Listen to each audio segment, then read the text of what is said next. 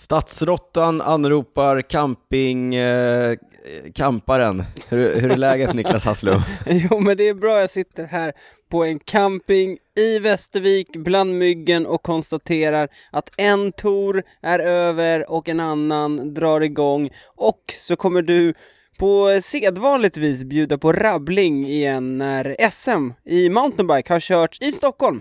I Järfälla, cross country-disciplinerna är avverkade. Vi ska avverka avsnitt 124 av Cykelwebben-podden. Nu kör vi!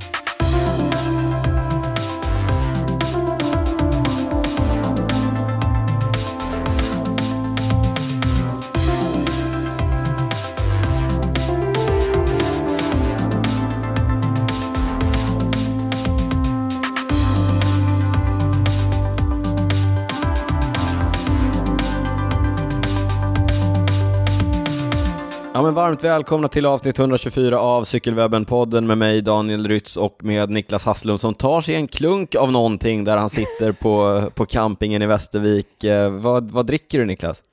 Jag dricker faktiskt alkoholfritt, men jag kan konstatera när jag vandrat runt på den här campingen att eh, det är många som inte kör alkoholfritt. jag kan tänka mig det. Jag, jag hör lite i bakgrunden, vi hoppas att ljudet är okej, vi kör lite på distans, det är så det är, semesterpusslet är i full gång. Du har hyrt eh, husbil den här veckan har jag förstått. Ja, precis. Eh, först måste jag bara säga, jag sitter ju utomhus för att det blir svårt att köra inne i husbilen när tre övriga, de övriga familjemedlemmarna ligger och sover. Ja, de är ju inte med i redaktionen så att säga. Nej, precis. Och jag brukar bli lite exalterad ibland och prata högt så att det, det kändes inte helt Nej, precis. Vi har hyrt husbil, eh, helt obetalt samarbete, eller delvis betalt samarbete. Jag har hyrt eh, genom mitt jobb, ja, okay. Europcar. ja. Oj, oj, oj, jag... här flyger reklamen, ja. nej, fast det, jag får ju ingen, jag får ju inte, jag får ju lön. Men ja, jo det får du. Jag betalar för att ha husbilen tyvärr. Ja. Ja. Men det är, en, det är en ny upplevelse. Spännande. Mm. Kul. Hur får du ihop det med träningen då när du är ute på, på vägarna? Eh, det går inte. Nej, bra. Vilovecka? Eh, ja, det är vilovecka. Mm, hur, hur går det själv? Stadsråttan? Stadsråttan, jag sitter här i Cykelwebben på den studion. Eh, jag har fått ihop träningen däremot. Jag tror jag har, ska gå in på Strava och kolla hur veckan ser ut. Jag tror jag har 25 timmar och sånt där. Eh, jag körde lite bikepacking i veckan med poddens kompis Johanna Palmqvist. Vi cyklade en sväng halv, ja men typ runt Mälaren. Fast på ena sidan? Nej, på, Eller var det på båda? Det var på båda sidorna. Ja, det var på båda sidorna. 25 ja. timmar, 27 minuter. Ja men Oj. först var det lite bikepacking på grus, sen uh, har det varit lite, lite träning. Jag har ju cyklat med ett proffs i veckan, har du sett det? Ja, jag såg det. Hur kom det sig? Uh, jag har cyklat med Tanel Kangert, riktig veteran, numera i Bike Exchange. Uh, han har ju varit lagkamrat med Fredrik Kesjakov som också varit med mm. i podden. I, när de körde i Astana va? Ja, precis. Jag tror Tanel körde typ åtta år i Astana. Mm. Han var här med sin familj och semestrade lite, men ville också träna lite och eh, då undrade Fredrik om det var någon som kunde hjälpa till att hitta lite bra träningsvägar. Vem kan hjälpa till att hitta lite bra träningsvägar om inte jag? Mm -hmm. ja. Nej, tog med honom på en liten runda. Han hade haft covid, så han eh, behövde komma igång. Körde lite efforts runt eh, han körde en intervall, Tyresö-Brevik. Du vet, eh, det är backigt, det är lite upp och ner. Ja, han körde det Breviksvarvet. Breviksvarvet, där körde han en intervall. Jag och eh, poddens kompis Hanna Johansson satt på hjul. Jag var överklädd, ni... började svettas så in i. Eh... Ni eh, satt med då eller? Ja, vi satt, han hade som sagt haft covid och han, det var inte så att han gasade för fullt. Uh, Okej, okay, han, han ville bara lite pulshöjande liksom? Exakt, han körde väl lite sweet spot eller något, så vi satt bakom och flämtade. Uh, ja. Och sen körde han en till platt intervall på 15 minuter och vi satt på hjul och njöt eh, båda två. Mm. Det var härligt. Han är ju, nu, som du sa, han börjar bli till åren nu, men han har ju varit en väldigt uppskattad hjälpryttare i bergen för många, ja, men, många kaptener. Ja, verkligen. Och vi, vi pratade lite grann om det och han har ju inte så många egna eh, resultat att skriva hem om, men det faktum att man kan vara proffs så pass länge, jag tror han har 11 eller 12 säsonger som proffs, eh, som hjälpryttare. Det tyder på att man är väldigt bra på att göra det jobbet. Mm. Men det var kul, alltid kul att cykla ja. med proffs. Sen idag har jag kört lite gravel ut till Järfälla, där ju SM i cross country mountainbike gick av stapeln. Såg lite av damernas lopp. Lite senare här i podden ska vi berätta hur det gick. Ja, Kul. Tror det eller ej, när jag inte cyklar, vilket då inte är så ofta eftersom jag har cyklat 25 timmar den här veckan, eh, så kan ni följa oss på Instagram, där heter vi snabel cykelwebben, mejla oss gärna på info.cykelwebben.se eh, Kolla in sånt som vi pratar om på cykelwebben.se. Niklas, du finns på Instagram, heter Niklas Hasslum. Jag ja. finns på Instagram, heter drytz. Nu har vi bränt av det och sen har vi en till grej som vi brukar bränna av, eller hur Niklas? Ja, vi har ju Patreon, den här eh, prenumerationstjänsten där ni kan gå in och ekonomiskt stötta Cykelwebben-podden. Håll podden Så, eh, flytande hörni. Hjälp till ja, att hålla precis. podden flytande. Annars sjunker vi och ja. som tack om ni hjälper till att hålla oss flytande så får ni ta del av våra bonusavsnitt som vi släpper med en veckas fördröjning så det blir ett, ett nytt ett, man kan säga ett avsnitt i veckan. Man får nästan dubbelt så mycket Cykelwebben-podd om man blir mm. Patreon. Ja. Det går inte att få nog av oss. Eh, vi har en ny Patreon den här veckan. Eh, stort tack till Albin Lindell. Jättetack till Albin, stort tack till alla andra patrons och eh, vi pushar lite extra. Gå in och kolla, patreon.com cykelwebbenpodden. Där finns det massor av bonusavsnitt. och man, om man hoppar på att bli Patreon nu så får man naturligtvis tillgång till alla gamla bonusavsnitt också. Ja, det finns massor. Vi har ju också härliga sponsorer och annonsörer som hjälper till att hålla den här podden flytande. I det här avsnittet, avsnitt 124, så har vi med oss Velocio, Niklas eh, Velocio. Vi pratade om dem senast, cykelklädesmärket som inte bara gör riktigt bra cykelkläder.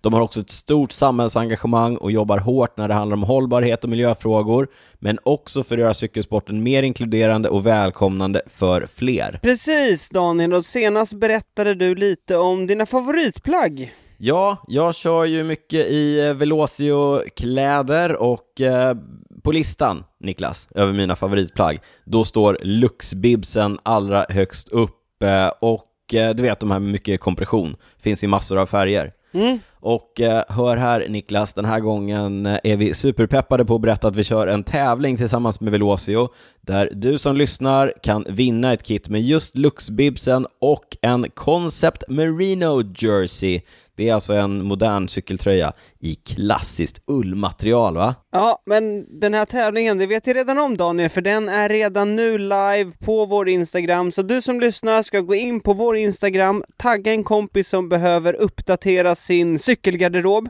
signa upp på Velocios nyhetsbrev så är du med och tävlar om det här otroligt fina priset till ett värde av 4600 spänn!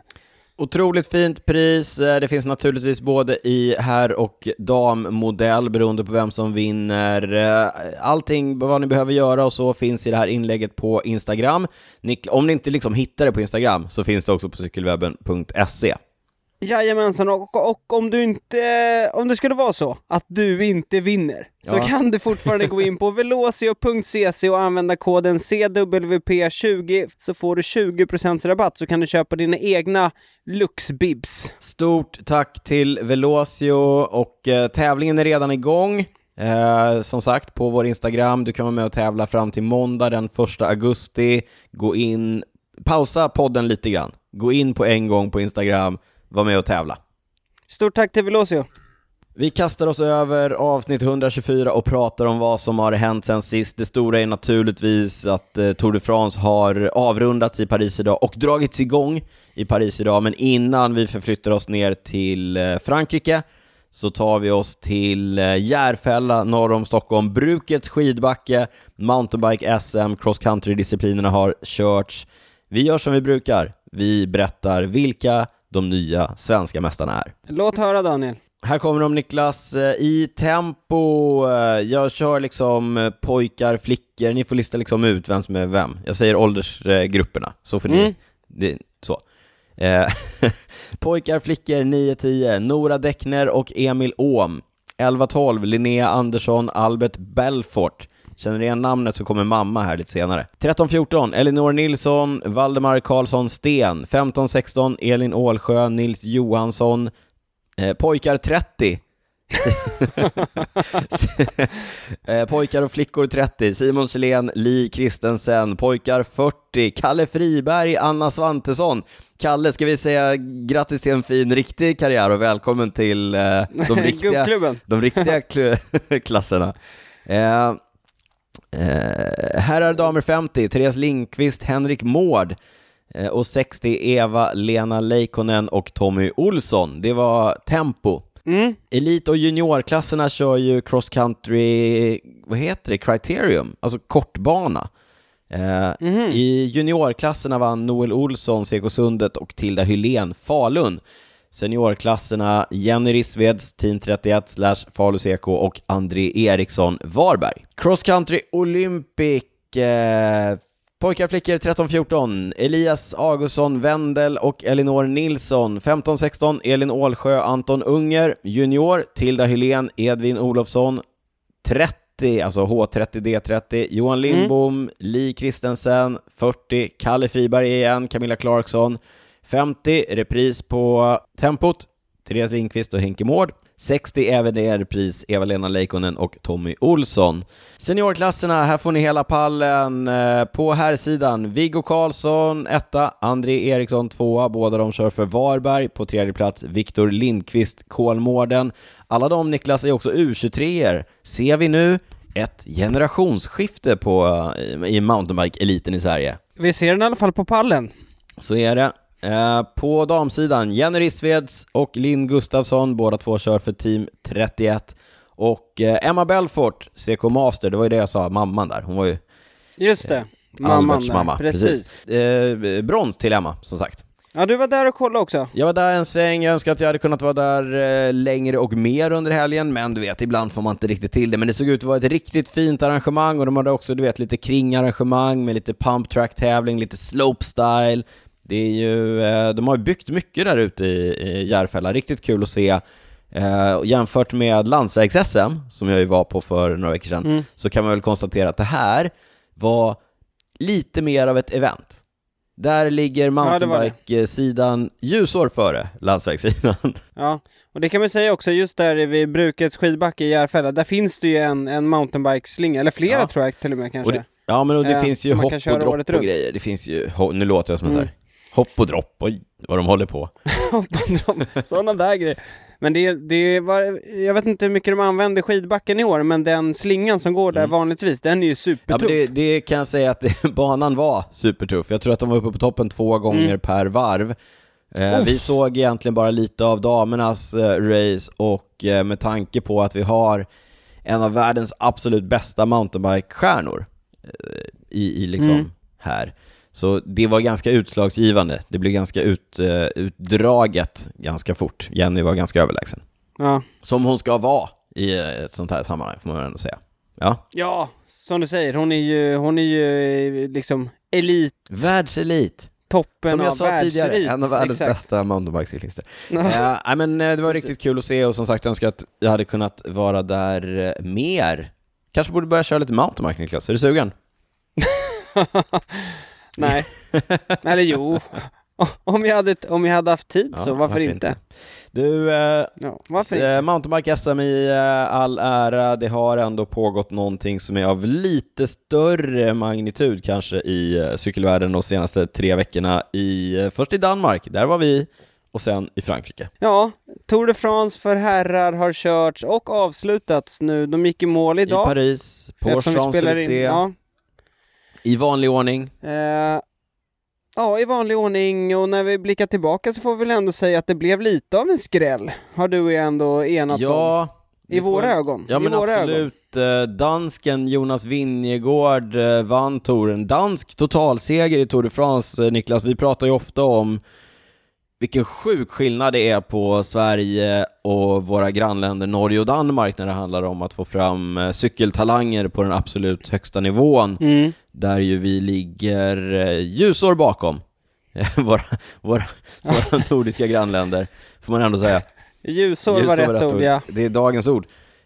Och ja, ja men jo, det jag skulle säga var att eh, tänk dig nu med en dansk totalseger i Tour de France, vad det kommer göra med den danska cykelboomen. Ja, alltså, jag vet inte ens om man vill tänka Nej. på det. Eh, det känns som att glappet bara kommer bli liksom ännu större. Och det var ju inte bara att Jonas Vingegård vann totalen och två etappsegrar. De tog ju även två ytterligare etappsegrar. Alltså danskarna igen. Mads och Meds Pedersen och eh, Magnus Kort Nilsen va? Så att de hade ju en fantastisk tour också då, om man faktiskt ska prata om det här med glappet mellan Sverige och Danmark. Det, kan, och det är ju vad, vad liksom den här starten i, i Ja. Danmark, vad kommer det göra för intresset för sporten och för cyklingen i Danmark? Det kommer vi inte få se nu, men flera Ja, år men framöver verkligen. liksom. Och nej, men som du säger också, redan där såg man ju att eh, men vilket mottagande de danska cyklisterna fick vid lagpresentationen och också som vi såg eh, vid målgången när det kom en dansk, det, folk gick ju eh, fullkomligt bananas. Ja, det, det man får hoppas, eller det vi får hoppas här, det är väl att på det på något sätt liksom spiller över till Hur Sverige. ska, hur ska det gå till? ja, men vi kan hoppas inte. kan vi göra Niklas. Ja, det gör vi. ja, ja, Vi vi får hoppas. hoppas. Eh, ja, men Jonas Vingegård vann Mm. totalen. Eh, liten skräll tycker jag ändå att det var, även om han liksom var en utav favoriterna, men Pogacar var ju ändå den stora Ja, men- favoriten. Ja, och som du, du och jag snackade i ett utav våra bonusavsnitt här senast, det var väl ingen utav oss som egentligen kanske trodde att han faktiskt skulle kunna, liksom skulle vinna. Nej, jag tror att vi, vi, vi var nog båda fast övertygade om att en eh, Tadej Pogacar i sedvanlig form var svårslagen eller oslagbar nästan i, i, eh, i de här sammanhangen. Men eh, Winnegård Mm. visade, han matchade ju honom liksom tramptag för tramptag. Och sen eh, var han då bättre än honom vid några avgörande tillfällen. Sen är det ju, in, alltså Vingegård är ju lite av en sån här klassisk cyklist som det var förr i tiden när de liksom körde sig i form under hela året fram till touren. Ja, Alltså, han har ju varit ganska os relativt osynlig Ja, fram till touren. Ja. exakt. Exakt, medan Pogacar är ju lite av den här nya tidens cyklister som liksom kom, dyker upp i, på någon eh, tour i Kör öknen och liksom redan i, ja, ja precis, redan i kalasform i februari och sen vinner alla tävlingar hela vägen Ja. fram till touren. Eh, så det har väl också gjort att man kanske inte riktigt har trott att Vingegård ska kunna matcha Pogacar, men Ja, med facit i hand och det vi har sett de här tre veckorna så har ju han varit den överlägset starkaste Oerhört cyklisten. imponerande. Pogacar har ju kört på i sin eh, vanliga stil, han har attackerat, eh, han har varit hungrig efter etappsegrar, eh, spurtat och haft sig, men som sagt eh, Ja, men Ja, i, i, varje, eh, I varje attack så har ju eh, Winnegård suttit som, som klistrad. Och sen då vid ett par, ett par Mm. Ja, tillfällen så har han eh, bara regelrätt åkt ifrån Pogacar uppför. Han vann, ju, Mm. t- vann ju till slut med dryga tre minuter va, tror jag. Ja, 2.43 blev det. Ja, de till slut. släppte ju på slutet Eh. hela, hela Jumbo-Visma och rullade in över linjen tillsammans. Ja, de som var kvar. Och när du ändå pratar om Jumbo-Visma, det måste ju ändå nämnas att Jumbo-Visma var ju det överlägset starkaste laget. Fruktansvärt bra. Eh, De vinner alltså sex etapper. Vingegård vinner två, Wout vinner tre. Och Christophe Laporte, som jag glömde nämna i bonusavsnittet när vi pratade om Jumbo-Visma, skäms lite över det. Eh, Ja, just det. Jag kom Ja. också tänka på Men, det. men jag, Eh. alltså, och, och det sättet som de gör det på, att dels så vinner de gula tröjan, alltså totalen med Winnegård, men de vinner också den gröna tröjan med Wout van Aert. Och det är ju liksom, Mm. Av, av tradition så brukar ju lagen fokusera, alltså spe- speciellt lagen som kör för totalen, det är det enda de fokuserar på. Det är, man kör bara Mm. för det. Och här så släpper man liksom Mm. en av sina absolut bästa cyklister, liksom för att göra sin grej. Och för att försöka säkra Ja. den gröna tröjan. Och han lyckas alltså Mm. göra, han Alltså, lyckas göra både det, alltså säkra den gröna tröjan, poängtröjan, och göra ett helt sjukt jobb för laget. och inte bara säkra den gröna, utan han slog väl poängrekord Alltså i den han, gröna tror han tröjan. dubbelt Det är han hade som typ dubbelt så så många poäng som tvåan. Ja men det är helt galet och nu nämnde du, du nämnde den gula tröjan, du nämnde gröna poängtröjan. Nu vann de ju också, bara farten så vann ju också Vingegård eh, Bergatröjan. Det- Så tre, tre tröjor Det liksom. var lite ledsamt, jag hade hoppats att han inte gjorde. Simon Gerske hade slitit för den här och så, fick, så tappade han den på ja, men näst, sista, näst sista etappen, eller tredje sista etappen innan, eh, innan tempot. Ja, Mm. precis. Det var när Vingegård vann där, sin sista etappseger för Otakam. Ja, Vi sa det, Wout van Aerts insats eh, helt sjuk. Jag tycker ändå att det, det snyggaste var väl ändå när han tog den här solosegen ifrån, eh, eller till Calais va? Ja, Calais, precis. När han gick solo i, i, i sista backen. När, när de gjorde Ja. en, en repris lite grann på det som de gjorde, var det i Dauphiné? Nej, det var i eh, Paris-Nice var det. När de liksom gjorde ett spurtuppdrag, eh, Jumbo-Visma, över det sista bergspriset. Och den här gången, då gick de ju tre man till mål, eh, ställde av alla andra. Mm. Då var det, ja då var det Laporte och Roglic. Exakt. Nu var det bara, nu drog de ju upp eh, spurten i princip för bergspriset för van Aert som sen fullföljde på egen hand in till Calais och tog hem eh, en, en soloseger. Hade han gula tröjan då eller? Eh, ja, det hade han. Han hade den här fula Ja. tempodräkten. Nej, ot- otroligt imponerande. Det, var, det är ju en av bilderna som, nu bara, hade han gul tröja? En av bilderna som har etsat sig fast på, på nätterna. Ja. Etsat sig fast Förutom att jag inte kommer ihåg vilken färg han hade på tröjan. ja, exakt. Eh, och, ja, nej men eh, liksom hans lag med Laporte, Wout, eh, Tish Benoit, Roglic så länge han var kvar, för Roglic var ju ändå en otroligt viktig del i den här segern.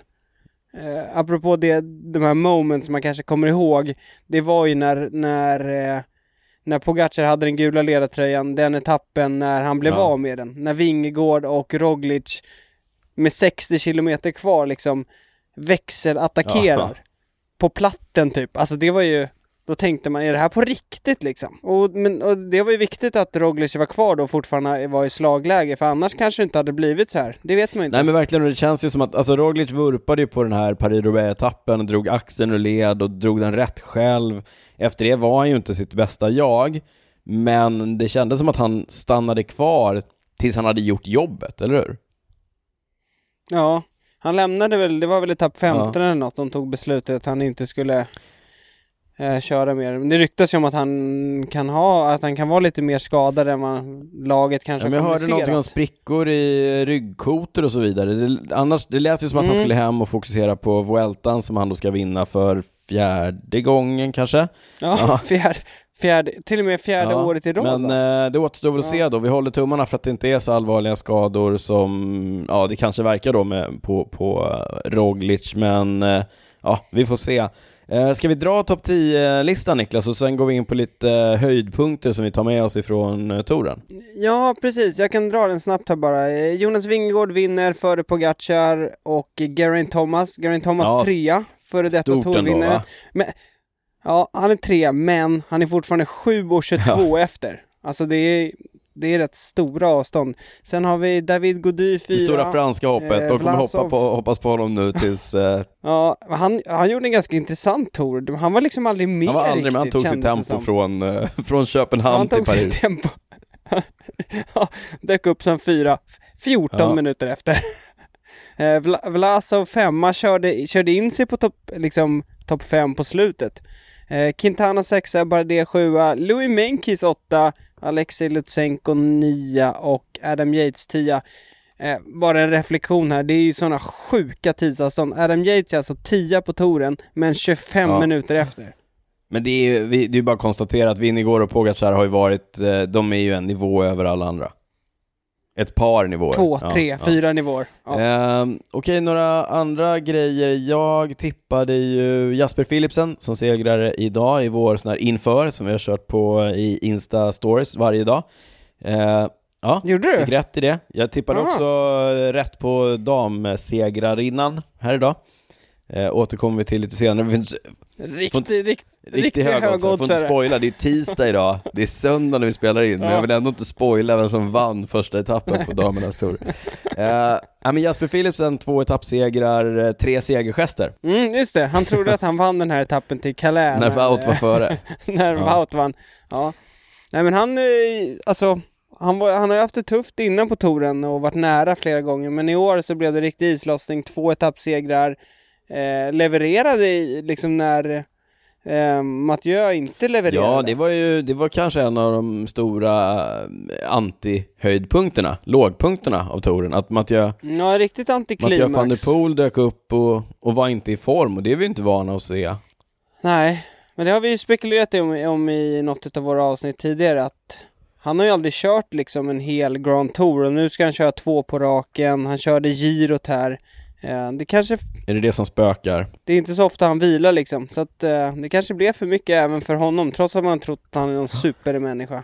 En annan supermänniska, det är ju den lille Mighty Mousen eh, Tom Pidcock, Mm, som ju är regerande världsmästare på cykelcross, regerande olympisk mästare på cross country, mountainbike, och nu då den senaste segraren upp för Alpe d'Huez i Tour de France. Det är en imponerande bredd han har, den lille britten.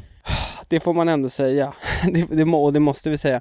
Men han, eh, jag tyckte han startade touren ganska anonymt Mm. sådär. Körde in, kör, körde sig i Men han form. satt ju liksom. topp 10 länge. Ja, jo precis. Alltså i totalen ja, men han jag tänkte nog att han kanske skulle vara med lite som eh, Wout och Ja, ja, ja. Mathieu brukar vara. Ja, verkligen gå för Men du vet, så här, etapper och... långt Ja. fram.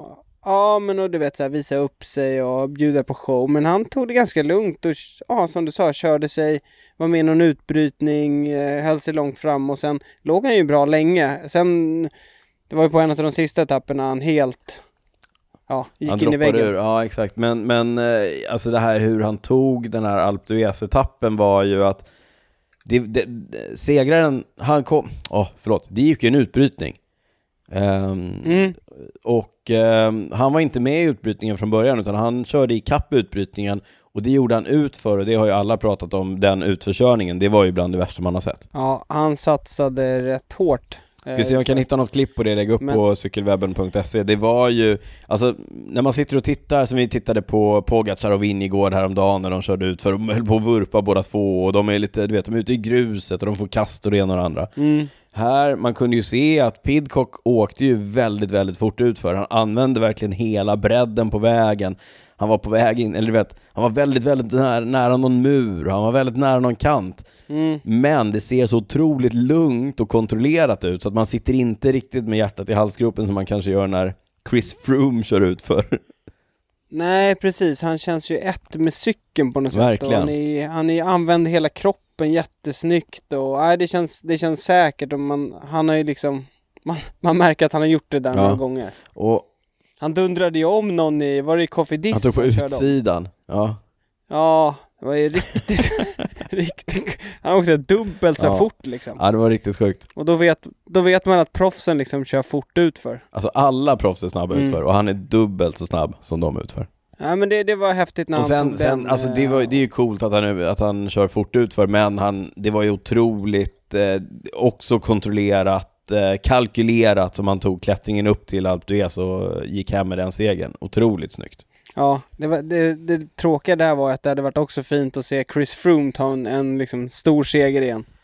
Ja, Chris Froome som kom trea på den etappen, vilket jag tror många var förvånade över, men också gladdes åt att eh, han är, liksom verkar ändå, det verkar ta sig lite för honom efter den här eh, fruktansvärda skadan som han har, eh, som han försöker komma tillbaka ifrån. En annan som har kommit tillbaka från skada, eh, Fabio Ja. Jakobsen. Det var häftigt att han eh, ändå liksom, det var, ju, det var ju andra etappen.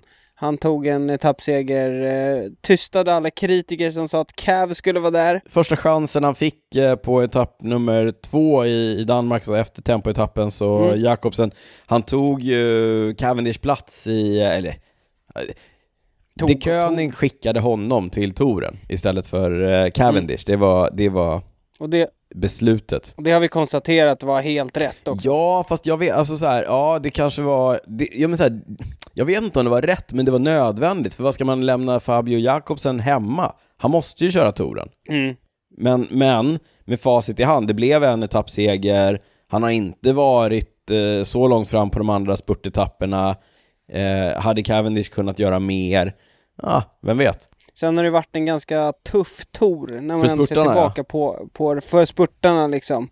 Eh, så att eh, frågan är om, om Cavendish hade gjort det bättre. Det får vi Det står veta. skrivet i stjärnorna. På tal om stjärnor. eh, vad ska vi välja? Michael Matthews, Bling, stjärna, du vet, Bling. Nu, jag, nu fick jag Mm. ihop eh, någonting här i alla fall. Han kallar sig Bling för Bling. Matthews. Eh, han har ju varit eh, spurtare, men kanske en spurtare snäppet under de här rena spurtarna, men en väldigt duktig spurtare i uppförsspurter, eh, har vunnit en hel del fina tävlingar och etapper från utbrytningar och så vidare. Eh, Mm. Ja men lite han gillar lite tuffare när det liksom eh, lite tuffare bansträckningar. Men när det ändå blir en spurt i mindre grupp, då är han overkligt Han har haft några bra. tuffa år, men i år lyckades han ta, ta hem en, en riktigt fin etappseger på en kanske oväntad etapp för, en, eh, för den typen av cyklist som han är. Ja men precis, det var ju, det var väl den etappen till Mand va? Ja, precis. Jättetuffa klättringen på slutet, där, det är ju där Stephen Cummings har vunnit, där Omar Fraile har vunnit. Upp på Ehm, flygrakan där. Ja, Han hade ett riktigt episk batalj med, batalj med eh, Alberto Bettiol. ja, men det såg också, det, det kändes helt osannolikt att det faktiskt var Matthews som vann sen för att Matthews var ju loss i klättringen. Men Bettiol kom ju liksom flygande och kom ikapp eh, Matthews och då, då kändes det som att nu kommer han bara... Nu är det klart. Kommer, och, han, och han fick ju också en lucka på Matthews. Mm. Men på något sätt lyckades liksom Matthews med sin sköna gnetstil liksom hålla sig kvar inom liksom eh, rimligt avstånd för att liksom inte bli helt avhängd. Och sen så gnet han sig kapp och sen bara skickade han i en tyngre växel och attackera. Flög ifrån. Bettiol, ja. Det var snyggt, den, den unnar jag honom för han, han, hade ju, han hade ju missat en av de etapperna som kanske hade hans namn skrivet på sig tidigare när Wout van Aert klippte honom i, i spurten. Just det, det är den etappen du menar på att Pogacar skulle ge honom Ja. etappseger. Det var ju inne i den här stan, det var en lång, var det fem kilometer klättring inne i Eh, Lausanne? Lausanne. Jätte, Just alltså det. vilken inramning det var. Det var Mm. folk i, längs med hela. Jag Mm. trodde att, eh, att eh, Pogacar försökte ge den den etappsegern till Bling Matthews. Kanske som betalning för att Pogacar har sin bil parkerad i Matthews garage i Monaco där de bor båda två. Jaha, de, de har kommit överens om Ja, det. det här. kan vara något sånt, de är ju polare. Eh, riktigt fin tour Niklas för Israel Premier Tech. Eh, ja, det, alltså, ja, Jo, Två två, etapp- etappsegrar. två etappsegrar är ändå bra. Eh, Men, ändå men bara tre man i mål. För Ja. det var covid och det var det ena och det andra. Chris Froome åkte hem med covid. Eh, Michael Woods testade positivt för covid typ i morse och kunde inte köra sista etappen. Trist. Oerhört bittert. Eh, en av dem som gick i mål Niklas, Guy Niv. Man kan, man kan lita på israelerna i, Ja, i Israel Premier. Premier Tech. Vi, lä- vi läste ju Ja. hans eh, resultatrad här häromdagen. Det var ju undantagsvis som han var topp 100 på etapperna. Ja, Men nej men vi sa alltså- också att ta sig igenom Tour de France, det är ingen lek. Nej det är det inte. Och, nej, men det är klart det är en lyckad tour, två etappsegrar, det är ju jättebra. Men ändå, det är ganska oväntade etappsegrar. Hugo Ohl och Simon Clark, då har de ändå Froome, de har framförallt då eh, Fogelsang och Michael Woods. Ja. Och, ja men absolut, det var inte de cyklisterna de trodde skulle skina kanske, men Hugo Ohl tog det från en utbrytning som han attackerade ifrån och gick hem eh, solo, riktigt, riktigt fin eh, seger. Simon Clark vann, och det blev jag oerhört förvånad över, den här Paris-Roubaix-etappen. Mm. I en, Ja, han i en ganska från- tuff spurt mot eh, Taco van der Horn och, eh, det var Taco va? Ja, Och ja, Edvald. det var Taco och Edvald. Mm. Det var det. Ja, nej men lyckat, lyckad tour för, eh, för Israel Premier Tech som behöver alla poäng de kan få här nu i, i den här nedflyttningsstriden Just det. som vi får återkomma till sen. Eh, Du har skrivit upp några funderingar här. Ja, men jag skrev det här, var det rätt att lämna Cav hemma? Det har vi redan avklarat lite grann. Jag tror ju egentligen att det var, alltså så här. med tanke på att man måste ta med sig Jakobsen, därför att annars kommer han byta lag eh, till Mm. Men bortsett från det då, de hade fått mer positiv publicitet om de tog med sig Cav. De hade gett Cav chansen att eh, bli ensam om att ha det här rekordet med flest etappsegrar.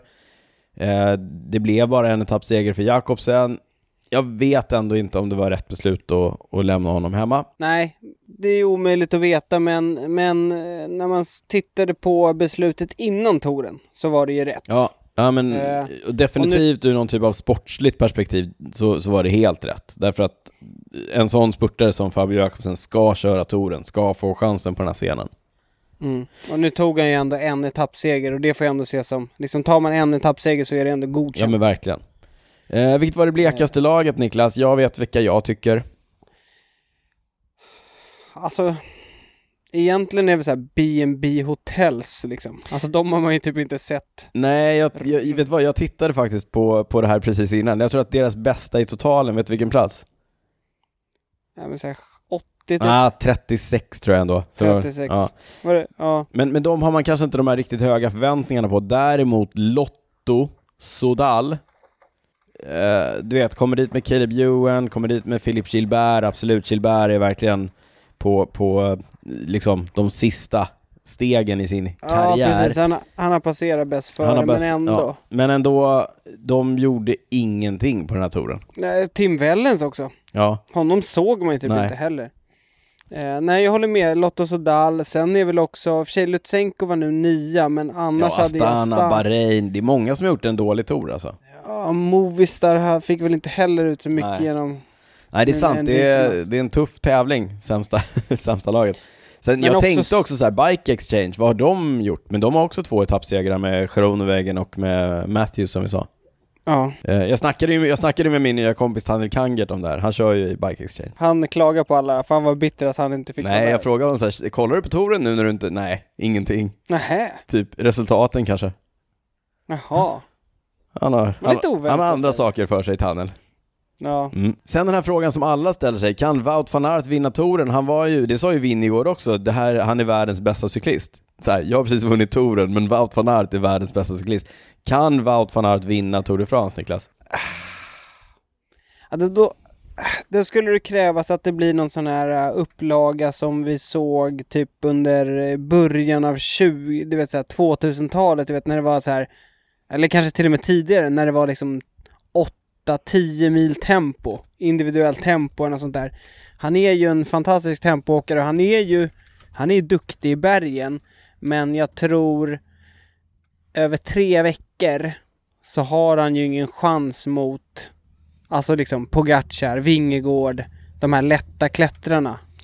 Det tror jag inte tyvärr. Nej, jag håller helt med och sen, sen så tycker jag också att, här, jag tycker att det är en tråkig fråga att ställa. Jag tycker att, jag tycker ju att endagars cyklisterna, så jag tycker att de här cyklisterna som Wout van Aert, som Mathieu van der Poel, så, men du vet alla de här, jag tycker att de är häftigare cyklister att titta på när de gör sin grej, än Mm. tre veckors cyklisterna som gör sin grej.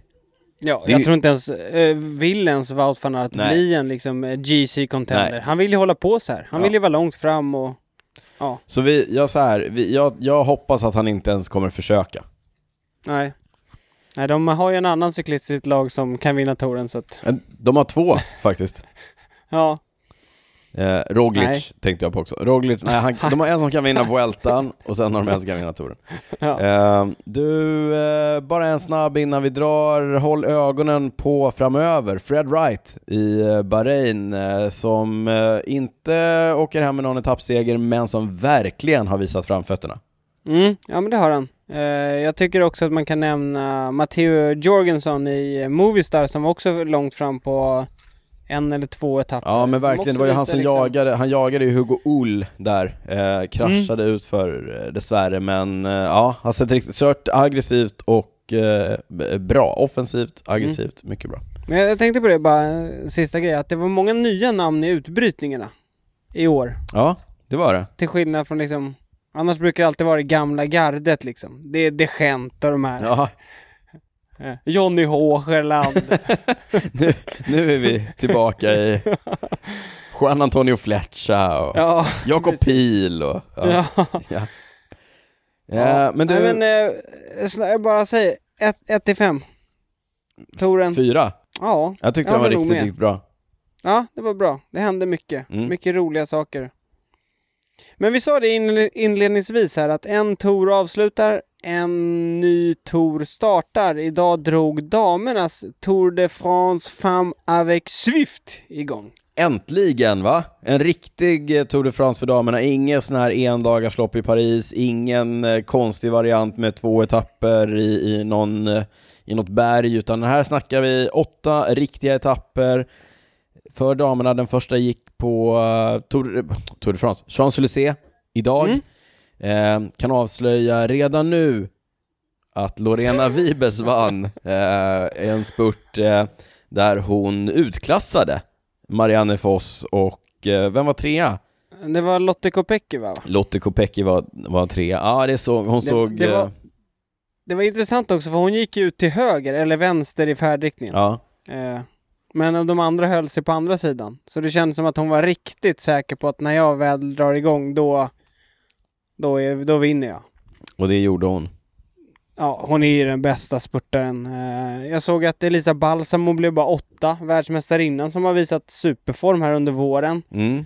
Många hade Men, hoppats ja. på Emma Nörsgård. Mm. Eh, Hon var femma tror jag, fem eller sexa.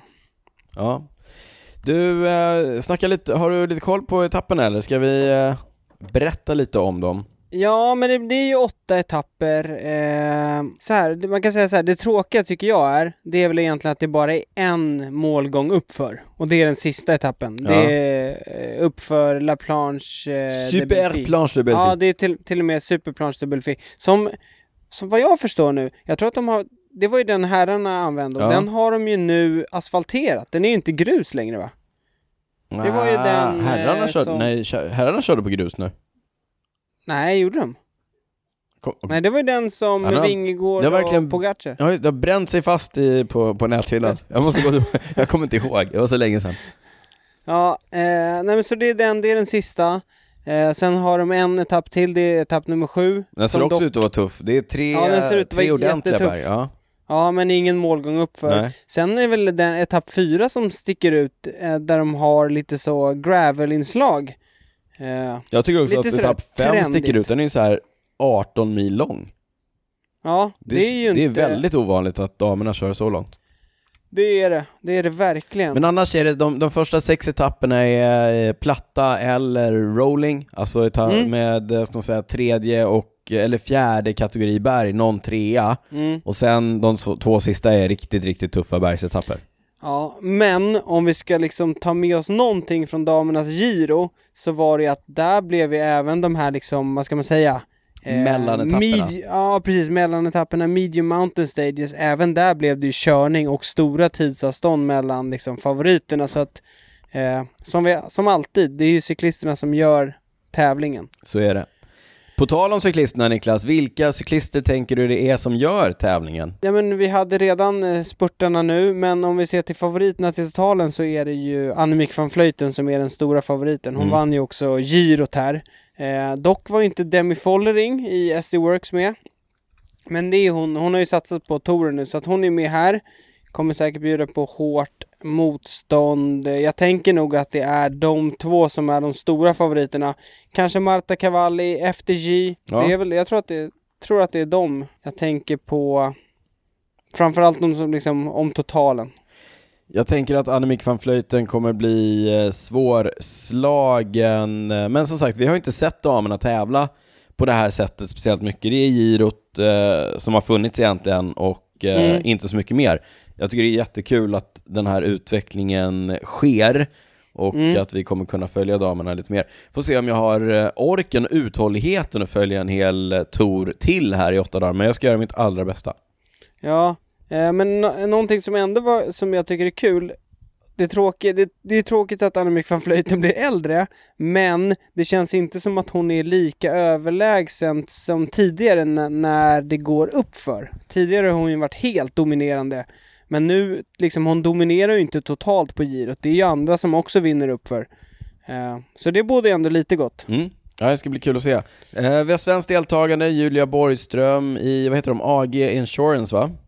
Mm, Next Generation Next va? Gen är med till start, vi håller tummarna för, eh, för Julia. Eh, Mm. Vi får se, vi kommer kanske att eh, hinna med en liten uppdatering i ett bonusavsnitt innan eh, damernas tour är eh, över. Annars försöker vi hålla er lite uppdaterade på Instagram och så vidare. Yes. Du, innan vi hoppar in i p- prylsvepet Ja, det som alla väntar på. att- ja, precis. Ja. Måste vi ta upp tråden gällande Everesting. Ja, vi har för pratat det, alldeles för lite om Everesting de senaste 50 Det kanske är- avsnitten. Ja, det, det är bara för att det inte har varit så många försök tror jag. Nej. Eller så- inte så många nya rekord. Men nu har damerna fått ett nytt rekord. Det är återigen Illy Gardner som har slagit sitt, nu har slagit sitt tidigare rekord. Det nya rekordet för damer lyder 8 timmar, 3 minuter och 29 sekunder. Ska vi berätta är vad också- Everesting är för de som kanske har missat det? Det handlar alltså om att cykla motsvarande höjd som Mount Everest, upp och ner för samma backe, så fort som möjligt. Mm, vad är det? 8000? 848 meter va? Ja, det är det va? Det tror jag. Hur som helst, upp Mm, och ner, först- upp och ner, upp och upp ner, och ner, samma upp backe, det upp får inte vara någon loop eller någonting, det ska vara upp och ner, upp och ner, upp och ner. Första kvinnan att gå- gå sub 8.30. Eh, hon, hennes Strava-fil när hon tog rekordet, eh, då klättrade hon 9006 meter på och eh, avverkade en sträcka på 107 kilometer. Det är väldigt kort kan jag berätta. Ja, det är Ja. jättekort. Eh, tydligen hade hon hittat en backe, en 70, 17 i backe. Eh, och jag tror att den, jag vet inte hur lång den var. Jag kan tänka mig några kilometer bara. Men hon varje gång då klippte hon 148 höjdmeter. Det Eh, är, Men det är, det är intressant det här. alltså då är den, alltså, är den är kortare än en kilometer då kan jag avslöja. Om det är 17 Eh, ja, precis. Det kan vi räkna ut. Det Ja. kan vi räkna ut. Mm. Eh, hon hade en snitthastighet på 13,3 kilometer i timmen. Men på väg, liksom när hon vände och rullade ner ut för igen, då var hon upp mot 80 kilometer i timmen. Så det säger lite om hur Hur brant långsamt och det hur, gick upp Ja, hur långsamt. Ja, Men du, Precis. tror att, att, att tiden är så, li, så, så kort, alltså åtta timmar, tror du att det kan bero på att hennes, hon har haft så här autopaus på cykeldatorn? När hon har kommit under en viss hastighet, så har den liksom inte registrerat tiden. Kan det, kan det vara något ja sånt? det låter jag vara osäkert. Ja. Men däremot så finns det, det finns ju någon så här gäng som kontrollerar det här. Ja, ja, ja, det är säkert kontrollmätet. Det var inte att Ja. jag ifrågasatte inte det här på riktigt. Jag försökte bara Nej. vara rolig. Ja okej, ja ja. ja. ja. Men kul att det är igång igen, eller Verkligen, Det känns som att det, det har kommit lite i skymundan ett tag. Ja, vi hoppas men, på, eh, på fler Everesting-försök så att vi kan prata om Mm. det här i podden. Annat som vi brukar prata om här i podden, det är prylar, och det här är lite konstigt därför att Eurobike har gått av stapeln. Har du varit på Eurobike någon gång Niklas? Nej, jag har aldrig varit där och jag tror faktiskt aldrig jag kommer hamna där heller, för det känns som att Eurobike på något sätt har liksom det är inte längre vad det är. Det är eller vad det en gång vad var. Nej men verkligen, Eurobike var i alla fall den absolut viktigaste mässan för, för cykelbranschen i, i det ledet som vi är i. Sen finns det andra mässor i, i eh, Fjärran Östern som Mm. liksom är ledet innan, dit tillverkarna kanske åker för att träffa, eller där märkena åker för att träffa tillverkare och så Mm. vidare. Men eh, Eurobike är ju lite mer kanske konsumentinriktad, eh, där brukar det visas eh, nyheter, men som du säger Niklas, den börjar tappa lite grann i eh, dignitet. Ja, Eh. ja, det är ganska en del stora märken som inte längre är där vet jag. Nej, precis. Eh, Men jag tänkte bara ta upp, inte, ah, jag har inte hunnit, alltså jag har bara så mycket tid. Och med tanke på hur mycket jag måste träna också, så har jag ännu Mm. mindre tid. Men jag tänkte ta upp tre grejer från Eurobike som jag har snappat upp, som är tre produkter som försöker svepa in på marknaden, ta över liksom en nisch som någon verkligen redan äger. Och så tänkte jag Mhm. berätta om jag tror att de kommer lyckas eller inte. Det är liksom, det här är utmanarna. Här är utmanarna. Det första är en ny smart fläkt ifrån Elite. Du vet det italienska märket som gör trainers Mm. Och eh, flaskställ. Det är en rolig Jajamän. kombo. Taxi gör ju också det. De, eller jo, de har också flaskställ och eh, trainers. Hur som helst, eh, den heter Area. Den är smart som jag sa, det vill säga att den kan kopplas till Ant Plus-sensorer eller Bluetooth-sensorer och så kör den då när du kör Swift. Det som är lite coolt med den här är att du kan, som, den är ju lite grann som, den går ju mot Wahoo Headwind, den här Mm. fläkten. Det coola här är att du kan koppla den mot typ puls och effekt och eh, men också eh, kroppstemperatur. Så att om du har en eh, termometer som är Ant plus, eh, det finns ju sådana också som man sätter på typ pulsbandet, som är Ant, som är Ant plus kompatibel så du, kan du koppla den till fläkten så att när den känner att du är för varm så blåser den på lite extra. När det är överhettad, då blir det... Då blir det, då blir det orkanstyrka på den här. Jaha. Eh, area, eh, pris runt eh, 3000 kronor och den eh, siktar då in sig på Wahoo Headwind som i och för sig är mycket billigare, den kostar 2 och 1 ungefär tror jag. Eh, Den, ah, kanske för dyr och eh, Headwind kanske lite för etablerad. Mm. Men ett, eh, det är ändå kul att det kommer lite mer, eh, ska man säga, eh, trainer-specifika fläktar på marknaden därför att vi har ju testat Headwind, den är ju fruktansvärt bra. Ja. Sen är frågan, behöver man en liksom En trainer-specifik? Cykel, trainer-specifik eh, fläkt. Kanske, jag sitter ju här med tre vanliga fläktar och det räcker ju inte till, så att kanske. Ja, kanske. Nummer två på listan, en ny sån här radar, du vet, eh, som vi har testat tidigare, Garmin Varia har vi ju testat, som eh, tittar bakåt och signalerar på din cykeldator om det kommer bilar bakom. Mm. Eh, faktiskt någonting som är, eh, för mig, oväntat bra. Någonting som ger lite extra trygghet på vägen, inbillad eller inte. Eh, Brighton, som också gör cykeldatorer, är en av utmanarna som man inte ser så mycket av här i Sverige. Nej. Eh, Brighton har kommit med en, eller kommer med en ny sån här eh, radarbaklampa, den heter Gardia. Eh, den ska upptäcka... väldigt, väldigt lik. väldigt lik. Eh, den ska se bilar på upp till 150 meters eh, håll bakom dig. Mm. Den kostar ungefär 129 eurosar, väger blott 68 gram och eh, fightas då mot Garmins Varia som är lite dyrare, runt 2000 kronor. Jag tror att om den här funkar som utlovat så kan det bli en ganska stark utmanare. Mm. 129 euros, just det. Så den är Ja, 600-700 600 spänn spänn billigare. billigare. Mm.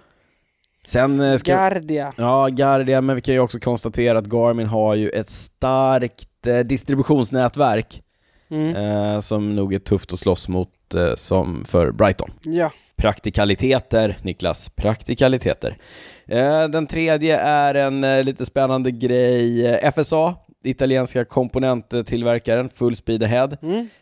De visade upp en 12-delad elektronisk semitrådlös eh, landsvägsgrupp. Även för eh, hydrauliska skivbromsar. Mm. Den heter K-Force WE, eller K-Force WE. Eh, kommer den här att eh, lyckas? Ska vi ge oss in på specifikationerna kring den här gruppen? Svaret på båda frågorna är nej. Därför att FSA har typ så länge jag kan minnas försökt komma ut med grupper till landsvägscyklar. Jag har Mm. aldrig hittills sett en cykel med en FSA-grupp. Jag kanske har Nej, sett det har jag nog inte heller gjort. jag har sett så här enstaka cyklar med typ FSA-bromsar eller, ja men vevpartier är de ganska, det är ganska vanligt så här. Precis. Men, precis. men jag har liksom aldrig sett en cykel med FSA-växlar på. Nej. Så att, Ja, det, det, det skulle vara nu när det är komponentbrist då. ja, skulle vara det. De lyckas nästla in sig Ja, jag är också intresserad av att se om de har lyckats trycka ut några grupper i, i real life överhuvudtaget. Ja, de har inget lag de sponsrar heller. Nej, de har haft ganska nära band med Bianchi tidigare, men nu har inte Bianchi heller något, något lag som de sponsrar. Nej, just det. eh, och så vidare. Eh, men det var, det var ett litet kort eh, prylsvep från Eurobike. Det kommer säkert att och, eh, bubbla upp annat ifrån den eh, tyska mässan här eh, framöver.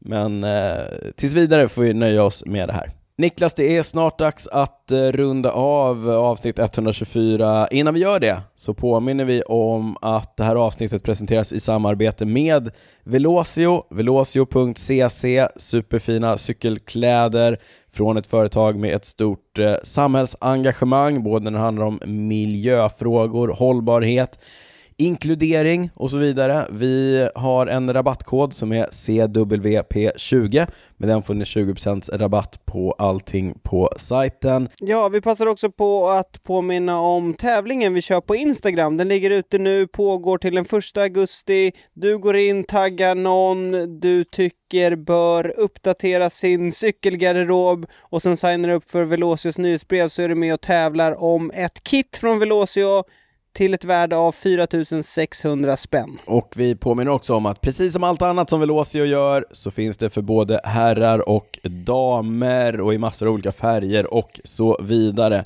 Stort tack till Velocio som är med och sponsrar Cykelwebben-podden. Och det är alltså på vår Instagram, snabel cykelwebben, Mm. som du hittar tävlingen.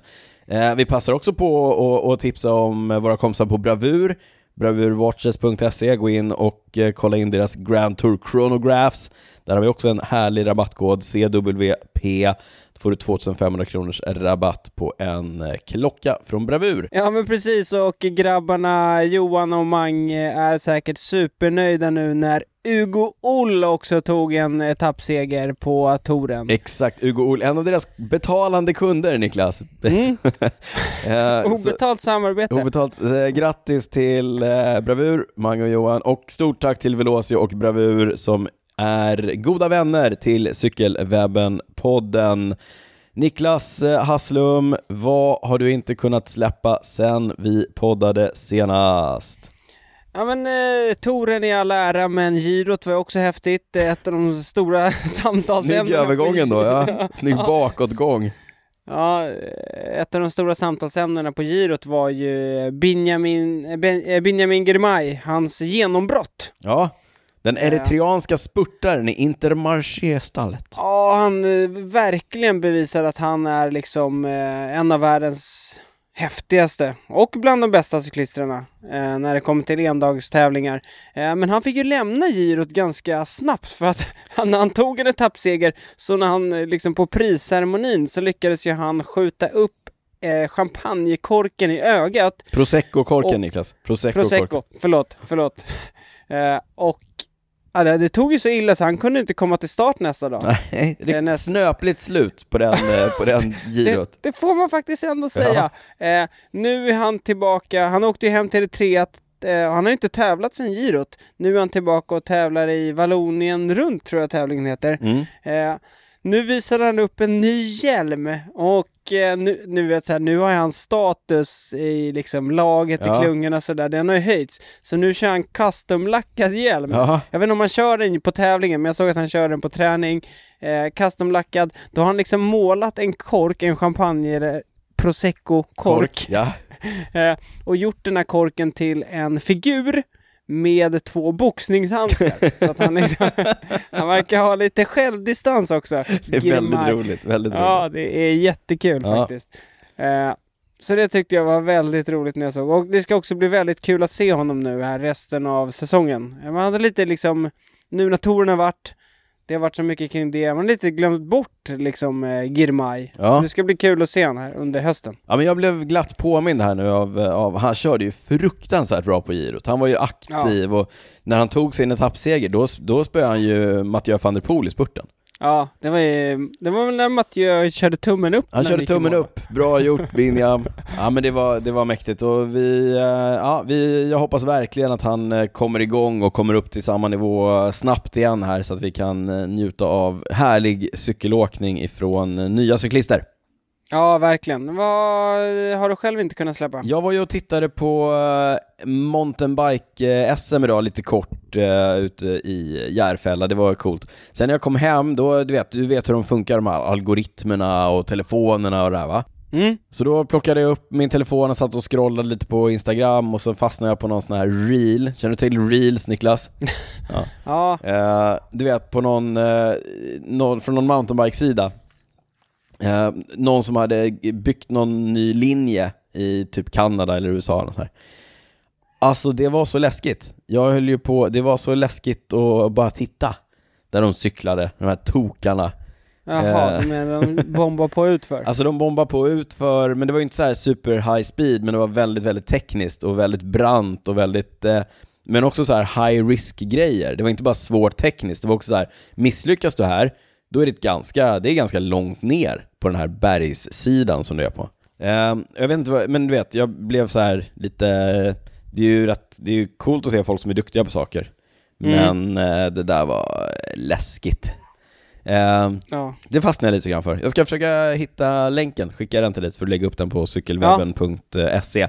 Jag vet inte om jag ska knyta ihop det till något större, vad ska man säga? Åh, cykling finns på så många olika sätt och man kan njuta av väldigt olika saker. Ja, och det är kul att, eh, att man inte behöver göra allt. Att man behöver inte göra allt. Man, kan- så här, man kan hitta sin grej och bara njuta av Mm. den. Ja, Ja. men eh, jag håller med. Det är häftigt att se folk som är duktiga på att köra mountainbike utför. Verkligen. Ja, eh, jag är inte en av dem. Niklas, eh, vi eh, tackar för avsnitt 124. Vi skickar ett stort tack till alla lyssnare. Vi skickar ett extra stort tack till alla patrons. Vi skickar ett ännu större tack till eh, poddens kompisar Velocio, Bravur med flera. Eh, ska vi eh, nöja oss där och säga ciao ciao? Ciao, ciao!